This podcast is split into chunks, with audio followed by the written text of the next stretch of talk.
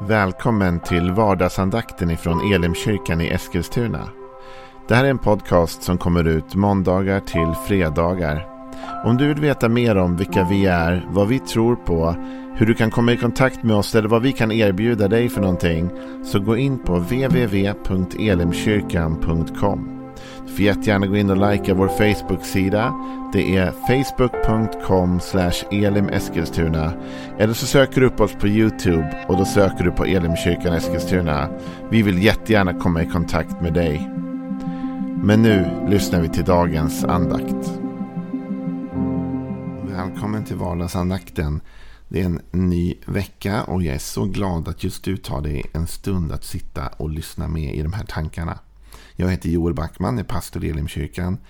Och eh, vi ska läsa lite ur Bibeln tillsammans. Och idag så har vi faktiskt ett jättebra livsråd att vänta. Några tankar som kommer ur psalm 37 och som kan hjälpa oss att fatta goda beslut idag. Och Vi ska läsa dem tillsammans då från psalm 37 och vi har hoppat fram ända till vers 27 och 28 nu. Och då står det så här. Undvik det onda och gör det goda, så får du bo kvar för evigt. Herren älskar det rätta och han överger inte sina trogna. Jag antar att du som jag längtar efter att leva ett stabilt liv. Man vill ju inte ha kriser hela tiden, eller hur? Och man vill inte ha svängningar hela tiden. Man vill ha variation, absolut. Man vill att saker och ting ska ändra sig ibland och förändras. Men man vill inte leva i ett ständigt kaos av, av, av rörelse liksom i alla möjliga håll. Och det är lite det som det talas om här.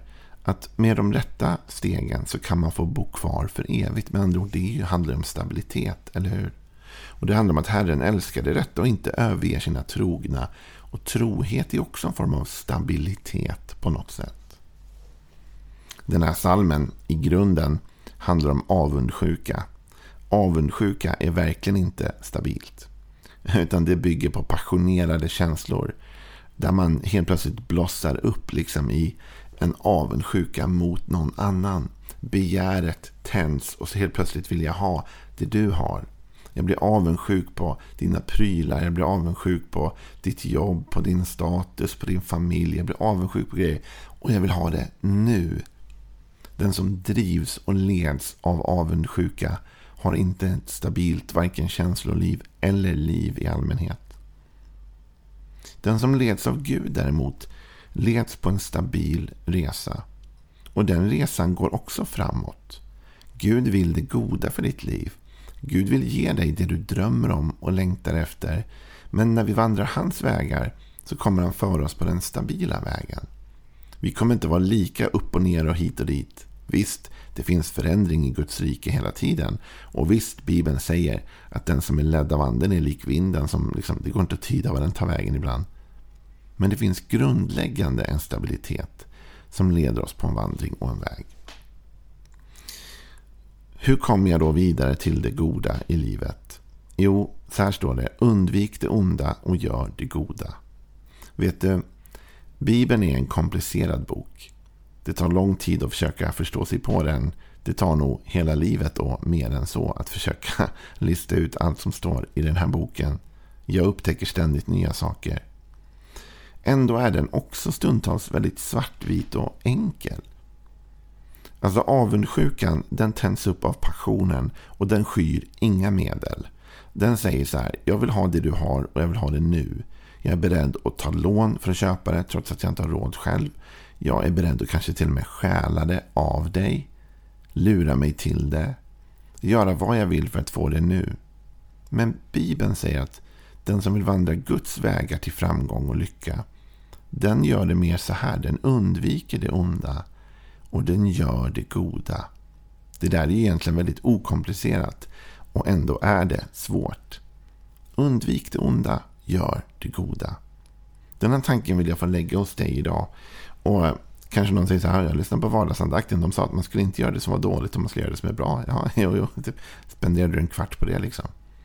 Men det finns någonting i formuleringarna här som hjälper oss att förstå lite mer exakt hur vi gör det. Därför det känns ju väldigt brett när man bara säger så. Det första jag vill få dela med dig är att enligt David så ska vi inte främst bara kämpa mot, besegra eller övervinna det onda. Utan vi ska framförallt undvika det. Det där kan ju tyckas lite fegt. Men det är faktiskt det han säger. Och sen ska vi såklart också göra det goda. De där två hänger ofta ihop. Och man behöver båda. Du vet, jag försöker till och från jobba med liksom, vikten och hälsan och sånt. Och ibland går det bra och ibland går det eh, inte så bra. Men, men ibland går det bra. Men jag har lärt mig en sak genom åren i alla fall. Det är att det duger inte bara med det ena eller det andra. Alltså någon kanske säger så här. Jaha, du vill börja gå ner i vikt och komma i bättre hälsa. Gör då det rätta. Alltså, börja träna bara. Börja röra dig mer. Ut och gå promenader och cykla och gå till gymmet. Och vad kan du göra? Liksom, kom igång med fysiken. Ät bra sådär. Ja, det är ju rätt. Allt det där behöver man göra om man vill gå ner i vikt. Man behöver röra sig mer. Man behöver tänka på att äta bra och nyttig mat. Man behöver tänka på massa olika saker. Men vet du? Det räcker inte bara. Jag upptäckte att man kommer en bra bit på det. Men förr eller senare tar det ändå stopp om man inte gör nästa steg. Och vad är det då? Undviker det onda. Med andra ord, även om jag skulle träna varje dag och jag skulle försöka röra mig mer och jag skulle äta en nyttig lunch och en nyttig frukost. Och jag liksom känner, wow, jag är på gång någonstans. Men sen skulle jag mellan frukost och lunch äta två godispåsar varje dag. Och mellan lunch och middag så slänger jag in mig ett paket glass. Och på kvällen så, ja, så blir det någon snacks eller något annat. Vet du, om jag gjorde det så skulle resultatet ändå utebli. Därför att man kan inte, det handlar inte bara om att göra det goda. Det handlar också om att undvika det onda. Att välja bort det som, som, som hindrar min väg. Gud vill föra dig till toppen. Gud vill föra dig fram. Och då handlar det om att göra bra saker, rätt saker. Gud har gett oss principer att följa. Men det handlar inte bara om det. Utan det handlar också om att undvika det som drar ner oss. Det som håller oss tillbaka. Man kan ju tänka så här att hur gör man det då? Jo, man kämpar emot eller hur? Man står och, man står och kämpar mot den där godispåsen, mot det där glasspaketet. Ja, det är ena sättet. Men vet du vad det bästa sättet är har jag märkt i mitt liv? Undvik det. Med andra ord, ännu bättre än att motstå godispåsen som ligger i skåpet. Ännu bättre än det är det att inte ha en godispåse i skåpet överhuvudtaget. Ja, men tänk nu, jag går igenom mitt kök liksom och jag vet att i det där skåpet där, där finns alla godisresterna. Liksom, och jag ska gå förbi där. Jag måste typ ta det i tunga varenda gång jag går förbi. Liksom, för att inte hoppa in i det där skåpet och äta upp de där godisbitarna. Eller så ser jag till att det inte finns där. Och om jag är seriös med det jag gör så vill jag undvika det. Undvikandet är en otrolig kraft. Undvikandet har ibland fått epitetet fegt. Den som undviker kampen, striden, svårigheten. Vi ska inte undvika det onda, vi ska besegra det, vi ska ta oss över det. Vet du vad? Jag undviker gärna det onda i den grad jag kan. Det finns tider då du och jag konfronteras med ondskan. Och då måste det bli en konfrontation. Och då får vi kämpa i Jesu namn mot det onda. Men i den mån jag kan undvika frestelsen så gör jag gärna det. Vet att till och med Jesus sa till oss att det där var ett bra sätt att tänka. När Jesu lärjungar kommer till honom och säger Hörru Jesus, hjälp oss att förstå hur man ska be. Och Jesus säger okej. Okay. Och så ger han dem massa olika punkter och tankar om hur man kan be. Han ger oss det vi kallar för Fader vår.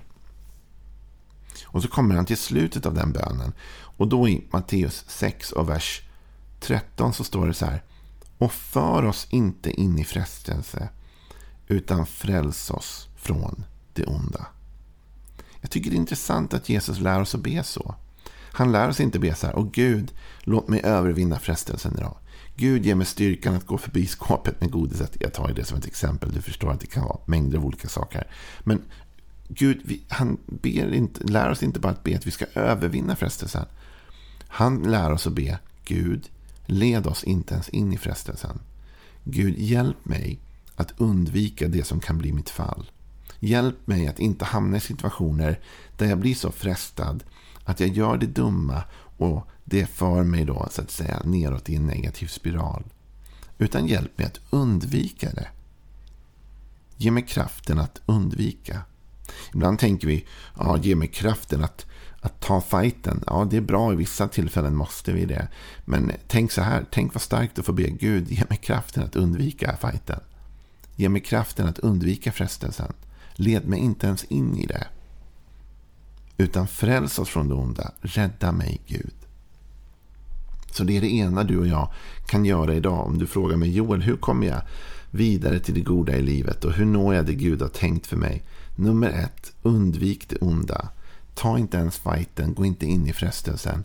Undvik det bara. Om du är väldigt avundsjuk på någon person hela tiden och du tycker att den där personen Varenda gång jag ser dens Instagramkonto så blir jag avundsjuk och så vill jag ha det där och så väcker det en massa känslor i mig. Då vill jag, skulle jag vilja säga så här till dig idag. Be inte till Gud att du inte ska bli avundsjuk när du tittar på den personens Instagramkonto. Vet du vad du borde göra? Sluta följa den personen. Gå inte ens in och titta på det där Instagramkontot. Varför måste du det om du blir avundsjuk? Undvik frestelsen. Undvik det onda istället. Okej. Okay. Men sen handlar det om att göra det goda då. Och då vill jag läsa några verser mer ifrån psalm 34. För det är inte alltid så lätt att veta hur gör man det goda och vad är det jag ska göra. I psalm 34, vers 13-15 står det Är du en människa som älskar livet och vill se goda dagar? Vakta då din tunga från det som är ont, dina läppar från att tala svek. Undvik det onda och gör det goda. Sök friden och följ den. Jag älskar att den här versen när han börjar så här. Är du en människa som älskar livet och vill se goda dagar? Återigen, vi måste förstå att Bibeln vänder sig emot avundsjukan och uppmanar oss att inte ha begär till vår nästas hus och bil och hem och prylar och vad det nu kan vara. Men Bibeln säger inte att vi inte ska söka det goda livet. Den säger faktiskt till och med här, är du en människa som älskar livet och vill se goda dagar, med andra ord, du vill nå vidare, du vill ha framgång, du vill nå toppen, det är okej. Okay. Men det handlar om hur vi tar oss dit och med vilket motiv vi har i vårt hjärta. Bibeln är inte undvikande vad det gäller prövningar och svårigheter. Tvärtom så talar den om att det finns mycket sånt och den som är troende får gå igenom många prövningar. Men det är ändå inte en asketisk tro som handlar om att vi inte får njuta av det goda eller längta efter det goda. Nej, Bibeln vill att du ska njuta av livet. Gud vill det. Han har ju skapat världen för att du ska både njuta av den och på andra sätt. Men hur gör jag då? Jo, men samma här. Exakt samma formulering. Undvik det onda och gör det goda. Men sen står det så här. Ett tillägg här då. Sök friden och följ den. Det är så fantastiskt att på vår väg mot det Gud har tänkt för vårt liv så har han gett oss en inre kompass kan man säga. Och det är friden. Alltså den heliga ande som bor i oss låter oss känna när vi går på rätt väg en frid, en ro, en tillförsikt. Och det kan ni göra även om vägen ibland är obekväm. Med andra ord, jag känner att jag på ett sätt behöver gå ur min comfort zone. Jag blir obekväm. Jag känner att det är en ny mark. Jag känner att det är en utmaning. Men jag känner ändå en ro på insidan. Det är rätt. Det är det här du ska göra. Det är den här vägen du ska följa. Däremot, om jag ger mig in på något och så känner jag inom mig ett obehag. Jag känner det är någonting som känns fel. Jag skulle kanske bäst säga det som att det är någonting som skaver här inne i hjärtat. Då är det ett tecken på att du ska vara försiktig. Kanske till och med backa undan och tänka om. Därför vi ska söka friden och vi ska följa friden. Då vet vi att vi är på väg att göra det goda i livet. Då vet vi att vi är på väg att undvika det onda när vi känner en ro inombords. Ja, vi kan känna oss obekväma. Vi kan till och med känna oss utmanade. Vi kan känna oss pressade. Men vi borde ändå känna att det här är rätt. Det är som om man ger sig ut och joggar så kan man känna att det är jobbigt, eller hur? Ah, det är så tungt då. Man försöker undvika det där, man drar på det och så vidare. Men inne i hjärtat vet man, det är rätt. Och när man är ute och gör det så känns det ändå bra i hjärtat. Även om det känns jobbigt i kroppen lite grann. Och sen när man kommer tillbaka så känner man en, en frid över att ah, vad bra att jag gjorde det där. Det var jobbigt att ta sig ut men, men det var rätt. Gud vill att du och jag ska nå de tankar han har för vårt liv.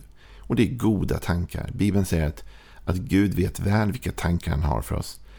Välgång och ge, för att ge oss en framtid och ett hopp. Jeremia 29 och 11. Det här är vad Gud vill ge oss. Välgång och framgång. Men vägen dit går genom att undvika det onda. Undvik det. Ta inte ens fighten med det. Undvik frestelsen. Och gör det goda. Lyssna till ditt hjärta. Följ friden och ron. Och om ditt hjärta skaver, backa undan och ta en annan väg. Lita på att den helige Ande leder dig dit du ska. Ha en välsignad dag. Imorgon är vi tillbaka igen. Och jag ser fram emot att få dela mer tankar med dig från psalm 37 då. Ha en bra dag.